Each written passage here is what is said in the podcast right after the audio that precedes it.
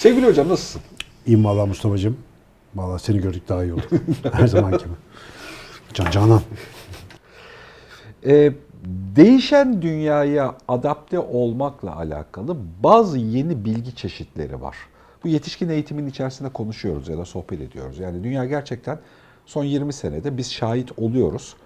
Ee, son 20 senenin içerisinde doğan kuşaktaki haline de şahit oluyoruz. Bizden önceki kuşaklara bakarak bir önceki halini de evresine de e, fark ediyoruz ya da algılıyoruz. Biz ne kadar tuhaf bir geçiş dönemindeyiz bu arada. Yani ben onu işte bağ toplumu, A toplumu diye tarif ediyorum. A toplumuna doğru bariz bir şekilde gidiyoruz. İnsan insan olalı böyle eziyet görmedi. Ha yani hani ba- bambaşka bir sürü şey değişti yani gerçekten tuhaf bir gidiş, gidişattayız. Bir sürü değer yargısı değişti, tanımlamalar değişti falan. E, bu sefer edinmemiz gereken, üstte edinmemiz gereken bilgi grupları da değişti. Yani eskiden işte ehliyetin var mı, bilgisayar açıp kapatmayı biliyor musun falan ya da daha öncesinde facit kullanabiliyor musun falandı. Ay rahmetli dedem geldi aklıma. Yabancı dil öğreniyorum diyen herkese şey diye sorardı. Karakola düşsen tercümanlık yapabilir misin diye. Emekli polis ya. Yazık hep aklı orada kalmış. Ne zaman bir yabancı İngilizce dese karakolda tercümanlık yapabilir misin? E, Yani, Hani böyle alemimiz öyleydi o zaman yani. Evet evet yani işte o tarz yetenekler şimdi başka tuhaf tuhaf mesela öz disiplin geliştirebilme, yüksek odaklanma ve konsantrasyon becerisi, işte e, kritik eleştirel düşünebilme, stratejik düşünebilme falan gibi bambaşka yöntemler ve düşünme yöntemleri ve bilgiler, egzersizler barındıran bir hale geldi. Bunlardan bir tanesi az önce saydıklarımdan bir tanesi. Bugün azıcık onun üzerine sohbet edelim istiyorum. Şu stratejik düşünebilme becerisi mevzusu. Ee, biz çok homo sapiens sapiens aslında bunlar hep senden öğrenip sana tekrar geri satıyorum şu anda. Ne güzel işte. Bunları cümle içinde kullanırken görünce böyle bir içim bir, bir şey çekiliyor vallahi. çok da yani bu arada gerçekten benim için en kapsayıcı anlatı hikaye gruplarına yani zihinsel anlamda ben kendi puzzle zeminimi bulmuş oldum. Hem evrim üzerinde hem de biyoloji üzerinde. Çok da iyi oldu bir şeyde.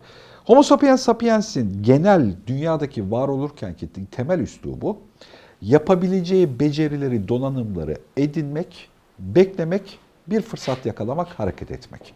Tüm yaşamsal davranışımız böyle e, olmuş. Yani zamanında da işte birileri avcılar avı avlanmış, köşede beklemişiz. Av boşalır boşalmaz koşmuşuz, iliğini almışız, bilmem ne yapmışız falan. Sonra avlanmak için de tuzaklar, pusular kurmuşuz, beklemişiz, avlanmışız. Ondan e, peş sıra o fırsattan yararlanmışız. Hayatımız 1990'lara kadar, 2000'lere kadar belki bu fırsatlarla yürümüş.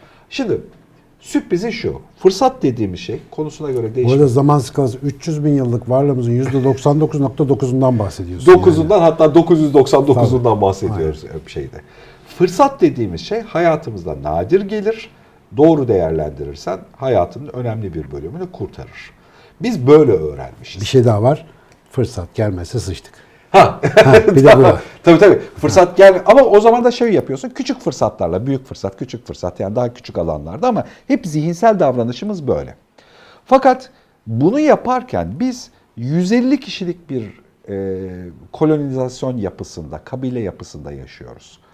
Ve e, fırsat dediğimiz şey de bu 150 kişinin olasılığıyla geliyor. Maksimum 150 kişi Dunbar sayısı mevzusu. Bu bunun olasılığıyla beraber geliyor. Biz birdenbire 5 yıl 10 yıl içerisinde 150 kişiden 3,5 milyar insanla masaya oturduk. Fırsat dediğimiz şey boku çıktı fırsatın. Hayatımız fırsat. İnternete girip e, daha klavyede dört harf yazar yazmaz Google sana ne fırsatlar veriyor yani ne istiyorsa hayatta eğitim fırsatları veriyor, parayla ilgili kazanma fırsatları veriyor da bilmem ne veriyor. Bu fırsat dediğimiz bakış açısı bir tür bataklığa döndü. Gerçekten. Artık yani aynen onu ben, bak- bunu ben Bak bu, bu arkadaşlar mezun oluyor şimdi. Bana hocam ne yapacağız biz? O da olabilir, o da olabilir. Bunlar, evet bunlar. Evet hangi üniversiteden mezun olursan ol, hangi bölümden mezun olursan ol, ne yapmak istiyorsan yapabileceğin bir alan var. Yeter ki artık onları da biliyoruz işte 2-3 yıl ona konsantre ol, onu yaparsın oradan para kazanırsın ya da onunla beraber ilerlersin. Şimdi bu bu karmaşa fırsat yığını, fırsat bataklığının kendisi başka bir düşünme yöntemini zaruri hale getiriyor bize. O da stratejik düşünebilme hali. Fırsatlardan arınma, duş alma, yıkanma, kendi amaç ya da kararına uygun bir birkaç yıllık yol haritası çıkarabilme kendine. plan yapabilme, kendi geleceğini inşa edebilme.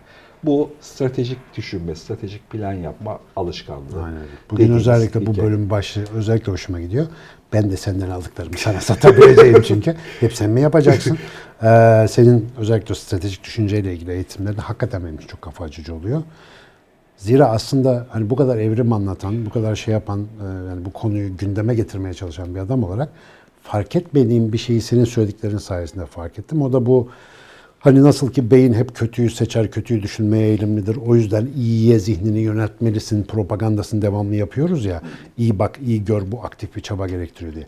Fırsattan çıkıp yani fırsat arayışından çıkıp kendi fırsatını oluşturma, bir stratejik planını kurabilme işi de gerçekten büyük çaba istiyormuş. Ve insanın buradaki varlığının bu kadar büyük bir kısmında fırsatlar üzerinden hayatta kalan canlıların torunları olarak buradan çıkmak kolay değilmiş. Onu fark ettim. Ben, ben çoğu zaman, şimdi sen bana anlattıkça arada bir de açık beyindeki kararlarda da eleştirirsin ya ben öyle değil böyle falan. Aslında hakikaten fırsat bazlı gidiyoruz. Her şeyi atlayasımız geliyor. Her şeyi atlayınca enerji bölünüyor. Bir şeye karar verdiğinde, oraya gittiğinde bir şeyler dışarıda kalıyor. Lan, lan, lan falan gidiyor oluyor falan. Yani o, o yeteneği geliştirmek çok zor. Bazen tek bir işe odaklanmak, uzunca bir süre ona enerjini yatırmak büyük mucize, bazen değil hemen her zaman büyük mucizelerin çıktığı yer oluyor aslında. Ve bunu sadece evrim anlatarak beceremiyormuşsun. Araca da ihtiyacım varmış. Ben senden bunu öğrendim. Mesela o eğitimleri keşke hani imkan olsa da şu lise düzeyindeki en azından bütün arkadaşlara bir faş edebilsek şöyle. Herkes bunu bir öğrense. Ee, bu arada hazır başta gelmişken etimoloji masası olarak konuyla ilgili bir hatırlatma yapmam lazım. Stratejik kelimesi strata kelimesinden geliyor aslında. Kademeler, katmanlar, tabakalar. Şimdi her yolun tabakaları, katmanları, adımları var ve biz şuradan şuraya gideceğim dediğimiz zaman ayağımıza ne giyeceğimizi hesap etmezsek eğer oradan oraya gidemiyoruz. Ayağımız yolda perişan oluyor, darmadan alıyoruz. Ayakkabı giymek stratejik bir hamle. Çünkü bir hedefin var. Şuradan şuraya gideceğim. Ayağını biliyorsun. Çıplak ayak basınca problem çıkar. Ayakkabını giyeceksin, o hazırlığını yapacaksın, öyle yola çıkacaksın. Aynen bunun gibi bir şey. Şimdi çoğu bir kere şu stratejik e, düşünme teknikleri anlatımının en önemli bendeki çıktısı, örtüştüğü yer benimle ilgili. Yıllardır insanlara hayallerini soruyorum. Bir kere kimsenin hayali yok. Kimsenin derken gençlerin büyük bir çoğunluğunun net bir hayali yok. Meslek adları var. Bir takım ezberletilmiş diyalogları var ya da monologları var. Bir takım içsel ezberleri var. Dönüp duruyor kafada. Ama ya ben fark ettim ki ben şöyle bir şey yapınca mutlu olacağım. Ben bunu yapacağım abi her hal ve şartta diyen çok az kişiye rastladım. O hayali olsa bile ki bu yüzde birden azdır, nasıl gideceğini bilene hiç rastlamadım. Ve hep bana bir şey söyleseniz de oradan gitsin. Bak fırsat arayışı. Dolayısıyla hakikaten çok önemli bir konu. O stratejik düşünme. Ben bugün bir bizim yani bütün izleyenler beraber, beraber benim senden acık onun taktiklerini de öğrenelim istiyorum. Yani orada genel kafasını nasıl stratejik bakılır, nasıl düşünülür. Hakikaten bunu içselleştirmemiz çok lazım. Ya çok yani kavramlar hep beraber geliştirdiğimizde kavramlar bir yandan nezaket gösteriyoruz e, bir şeyde. Ee, ilk temel e, şeylerden bir tanesi şu amaç edinme mevzusu gerçekten bizim yine bir önceki dönemle bu dönem arasındaki tuhaf çatışmalardan bir tanesi. 1990'lara kadar biz amaç edinemeyiz. Bize amacımız yanımızdaki 150 kişi tarafından verilir. Böyledir. Ee, bizim işte bizim oğlan alınır götürülür. Sevdiğimiz, önemsediğimiz, zihinsel yapısına güvendiğimiz adama emanet edilir. O adam der ki bundan gazeteci olacak, bundan bilmem ne olacak falan falan. Bu adam parlak ya da bu adam güçlü ne her neyse. İşte o bize yol verecek. O yolla beraber gideceğiz. Başarı toplumsal anlamda küçük gruplarda flütte ilk parçayı çaldıysan müzisyen olarak çok iyisindir. Bir olasılığın vardır. Böyle büyüdüğümüz bir yapıdaydık. Sonra da içi sen içi kal moduna geçiyorsun zaten. Ha yani evet, evet, oradan devam ettiğin bir modda kalıyorsun. Ama şimdi bizimle ilgilenen öyle bir 150 kişi yok. 3,5 milyar kişi herkes herkese saniyenin mikronda biri süreleriyle vakit ayırabildiği, göz ucuyla gördüğü bir alan içerisinde akıyorsun. Kendi amacını bulmak zorundasın. Şimdi bu çok tuhaf bir çatışma durumu. Birinci aşama. Birinci aşama. Eğer sen kendi amacını bulmazsan söz veriyorum bir başkasının amacına çalışıyorsun. Artık dünyada böyle bir şeye geldik yani. Sen kendi amacın için çalışmıyorsan bir başkasının planladığı, stratejik düşündüğü, yapılandırdığı başka birinin amacı için çalışıyorsun. Bunu ayırt et. Bunu da yapılabilir dönem dönem. Egzersiz etmek için yapılabilir ama farkında olmadığında buna 40'lı yaşlarda çok bozuluyorsun ya. Ben sisteme böyle yapmışım. Hani bu, bu cümleden çok rastlıyorsun yani. Ben millet için bilmem ne yapmışım falan falan. Süpürge ettimin çeşitli şekilleri ve halleri arka tarafta. O yüzden kendi amacını bulmak, kendi amacına konsantre olmak, e, dünyada kendinde ya da dışarıda istediğin her ne ise onun kendisi evriltecek şekilde bu- bunu kurgulamak, düşünmek temel şeylerden bir tanesi. Bu amacını bu arada yani amacını tespit etmek bir sabah uyandığında da yapacağım bir şey değil bu arada bunu hatırlatmak lazım. Yani sen dedin ya demin e, durum olduğunda başka amaçlar için de çalışılabilir. Mesela çıraklık dediğimiz müessese neydi? Ya sormadan, sual etmeden bir ustanın yanına giriyorsun, iş öğrenmeye çalışıyorsun değil mi? Şimdi işin bu aşaması da aksıyor. Sen devamlı ben bir amaç bulmalıyım, amaç bul. Bir dur sakin bulamıyorsan git başka bir şey yap. Yani hayatını bir şeyle zenginleştir, yöntem edin, bir düşünme biçimi öğren, ne bileyim en azından teorik bilgini tamamla. Yani internette gez falan filan. Öyle bir bir sarsaklık hali de var. Seçenek bolluğuyla ilgili işte o yokluklar dönemi insanı çokluklar döneminde kafayı yiyor ya aynı hikaye. Orada şöyle yönlendiriyorum. iş çok kolaylaşıyor aslında. Yaşamın tek bir amacı olmak zorunda değil. Elbette. Bir, bir de yaşamının sonuna kadar sürecek bir amaç belirlemek zorunda da değilsin. Aynen öyle. İki, ya, yani 6 ay sonrası için bir amaç belirle. Bir yıl sonrası için bir amaç belirle. Yolda da değiştir.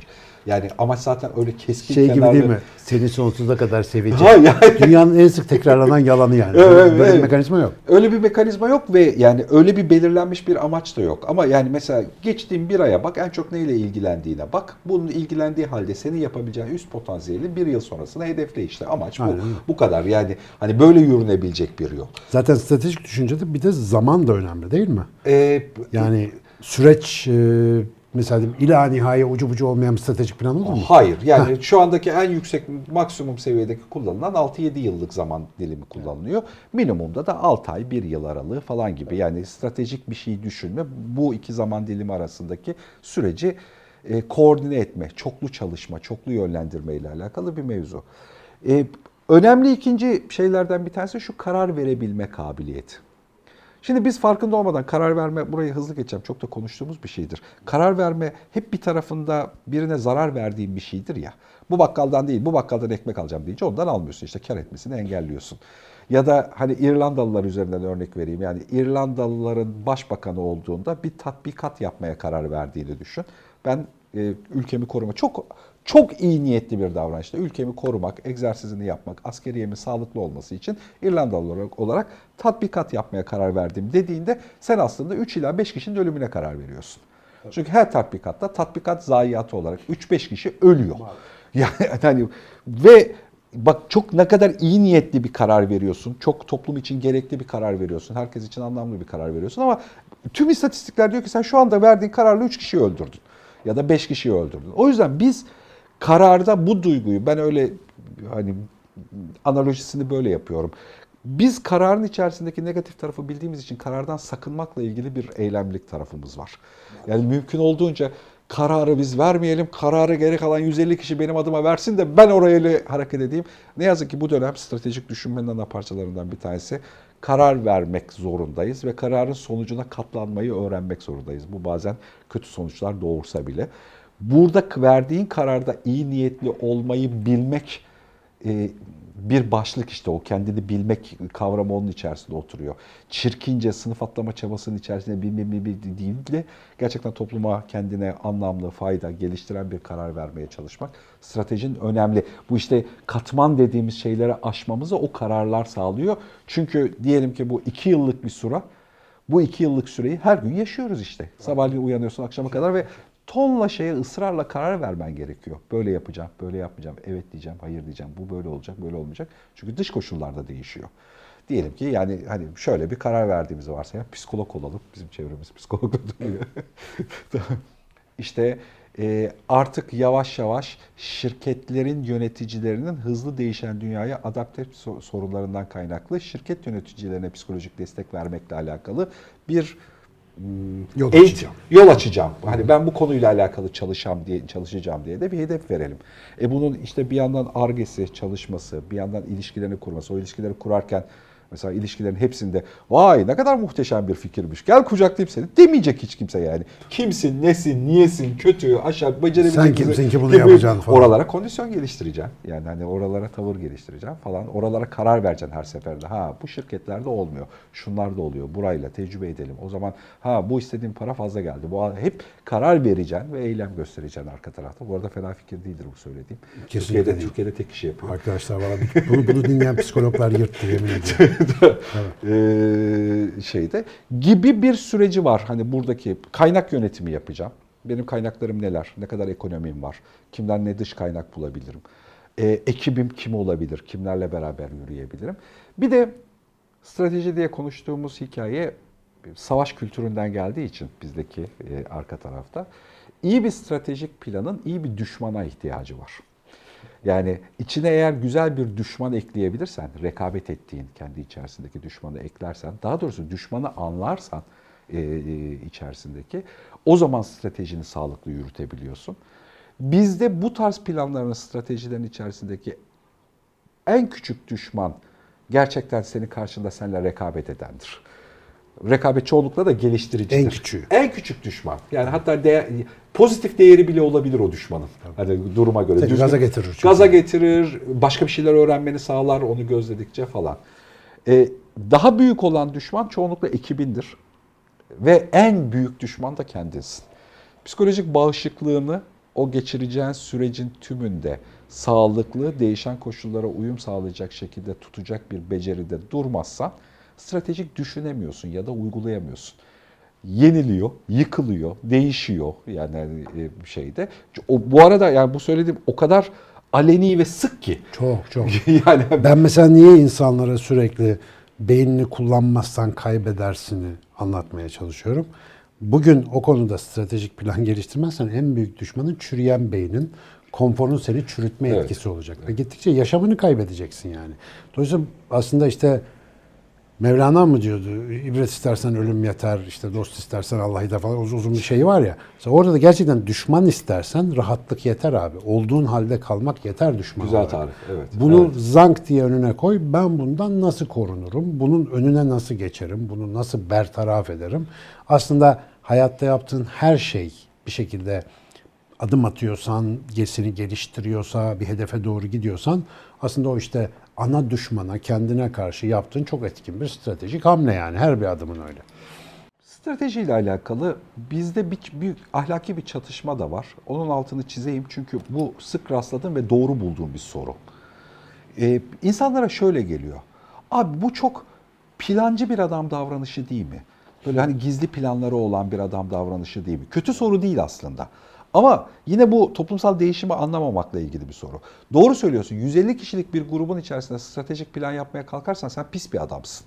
Köyde mesela böyle bir... Köyde hani ona ona vereceğim, bunu böyle yapacağım falan dersen bu iyi bir şey değil. Çünkü oranın organik yapısı buna müsait değil. Stratejik plan 3-4 milyar insanla masadayken e, sağlıklı yürüyen ve yönetilebilir bir Ya da plan. 300, 500, 1500, 3500 kişi de dahil buna. Tabii, tabii, Yani tabii sadece ki, tabii tabii. 3,5 milyar değil. Çünkü biz artık genellikle bu ölçeklerin içinde yaşıyoruz. Yaşadığımız şehir şu anda 15 milyon mu 20 milyon mu ne?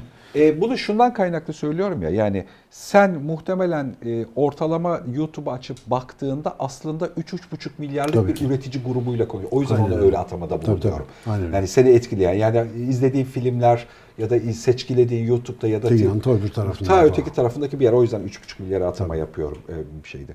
E, artık yan komşunu tanımıyorsun ya da alt komşunu bilmiyorsun zorda kalmadığın sürece. Yani o bilmek zorunda da olmuyorsun falan. Eskiden azıcık ahlaken sorguluyorduk bunu. Şimdi sorgulamıyoruz bile yani. Öyle bir şey aklımıza gelmiyor ki. Aklımıza gelmiyor e, bir şeydi. E, o yüzden bu 3,5 milyar insanla beraber stratejik düşünmeyi uygulayabileceğin bir şey ama 150 kişilik kendi yakın grubunda, ailen vesaire e, yine orada da stratejik davranabilirsin. Orada tek kural var, şeffaf davran. Benim planım bu. Böyle yapmak istiyorum. Onu orada şeffaf davrandığı sürece herkes seninle beraber hareket edecek zaten. Asıl lezzetlisi orası. Burada gizli plan yapma. Şey- Orada orkestra kurabileceksin Evet. zaten. Ha. Beraber doğaçlamada takılabilirsin. Ekibin oluyor yani. onların hepsi seni. Psikolojik anlamda sağlıklı durmanı sağlıyor.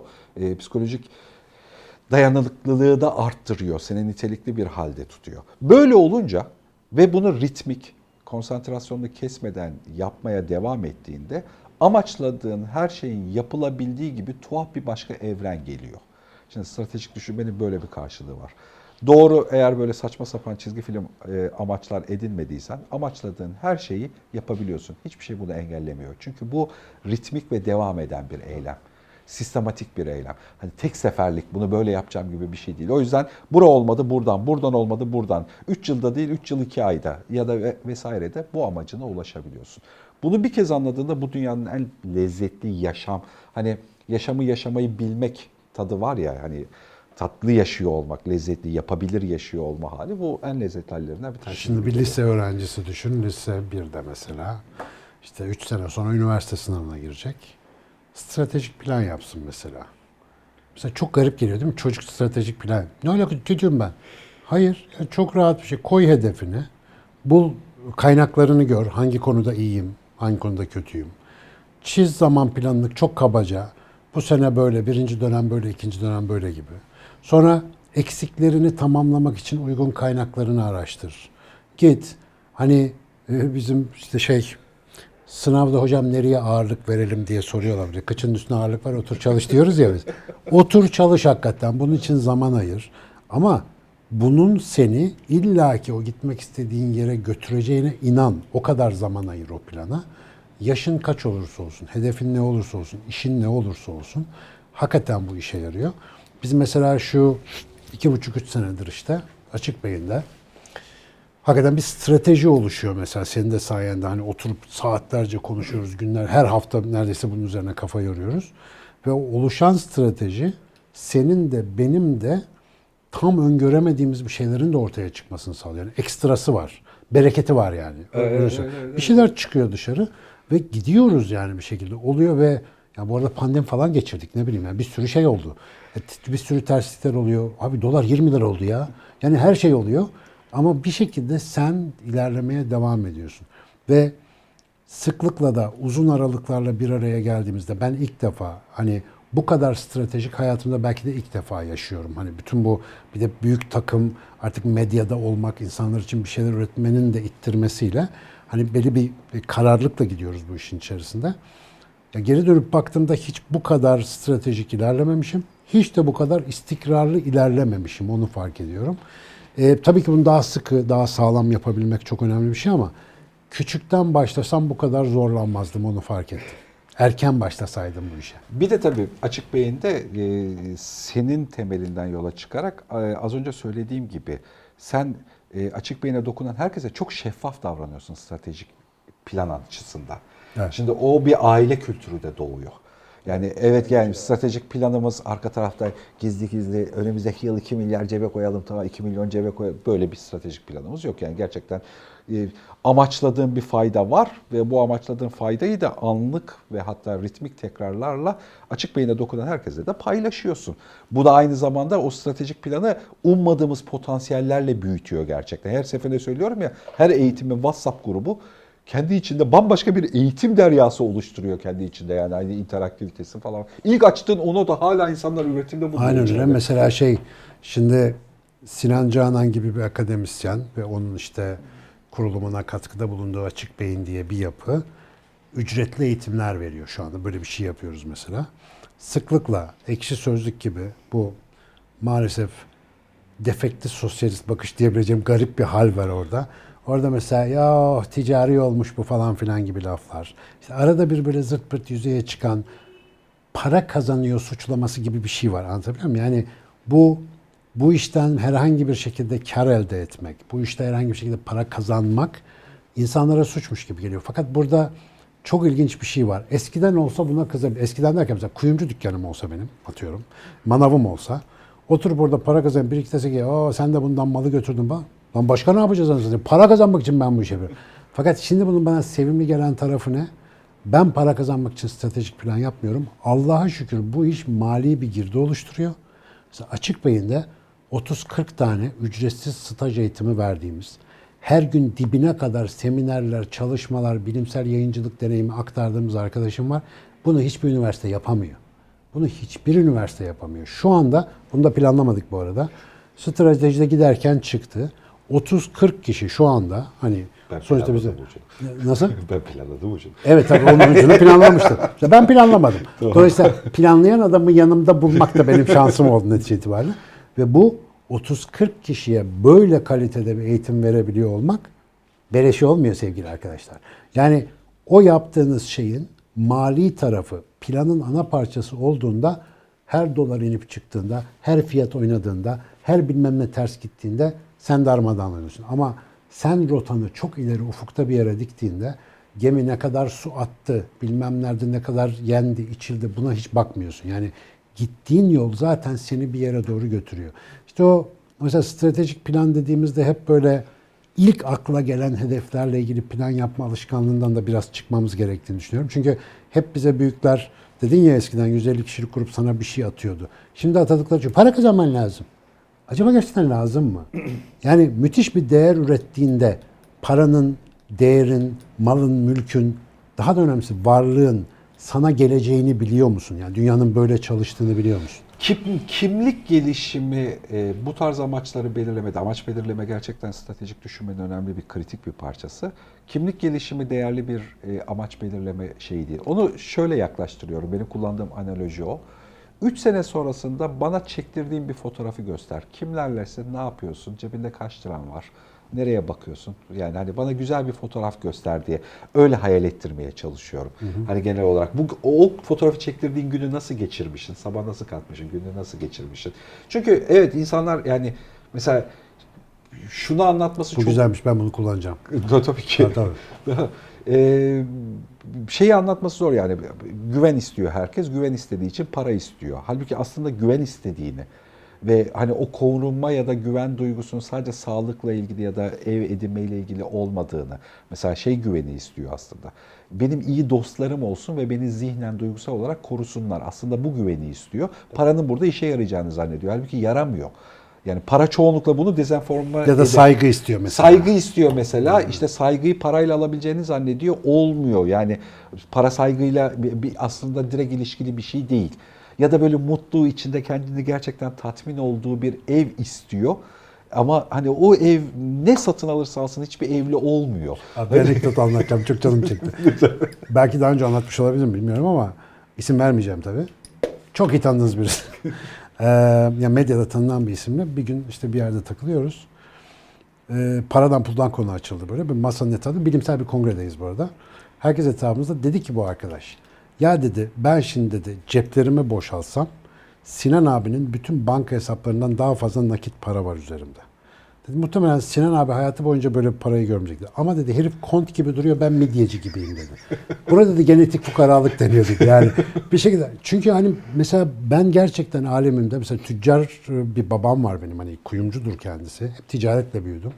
Belki ondan dolayı bilmiyorum ama hep şunu ben babamda da onu gördüm, etrafındaki insanlarda. Bu işte başarılı olan adamın daha yüksek bir mefküresi olduğu için başarılı oluyor. Sırf para para diyen adam sonuçta batıyor, bir sıkıntı yaşıyor. Yani para omnipotent, her şeyi satın alabilir bir değer gibi gözükmesine rağmen hiçbir stratejik planın amacı olmamalı. Ben o noktaya geldim. Eğer bunu yaparsan stratejik planın kalbinden vuruluyor zaten. İş bitiyor. Çünkü o dış şartlara çok bağlı. Ama işte esas düşman, esas hedef seninle ilgili olsa başka. Bu secret mevzularında hani ben çok dalga geçiyorum yani bu konuyla alakalı. Şeker ve unun yanında satılan secret kitabıyla alakalı. Aslında özünde Ulan benim kitapları da yalnız markete koyarlarsa yarın bir çok kötü madar e, olacak. koydurtma bizim kararımız. Öyle mi? Yok, Tabii canım. ha ben onu sanki marketler seçiyor koyuyor. Hayır hayır canım. Yani, hani- Gerçi fena da olmaz Migros'tan. Düşüneyim yani.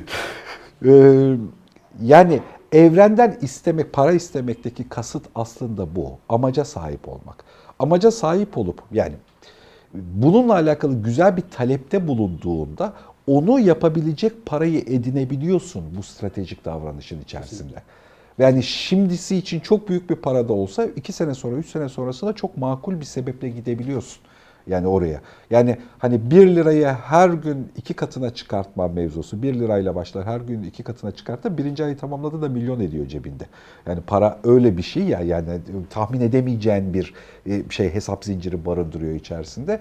E, Şeyde de böyle yani amaçla alakalı davranışta da böyle. Sen güzel bir şeyi amaçlayıp gerçekten stratejik, düzenlenmiş, taktiklerini doğru yürüttüğün bir planda yürürsen yani hiç ummadığın büyüklükteki bir para 3 yıl içerisinde, 5 yıl içerisinde seninle beraber hareket edebiliyor. Yeni öğrendiğim lafı satayım hemen. Lütfen. Ee, Harik, Hariku Murakami. Romancı var ya. Murakami. Murakami, Japon.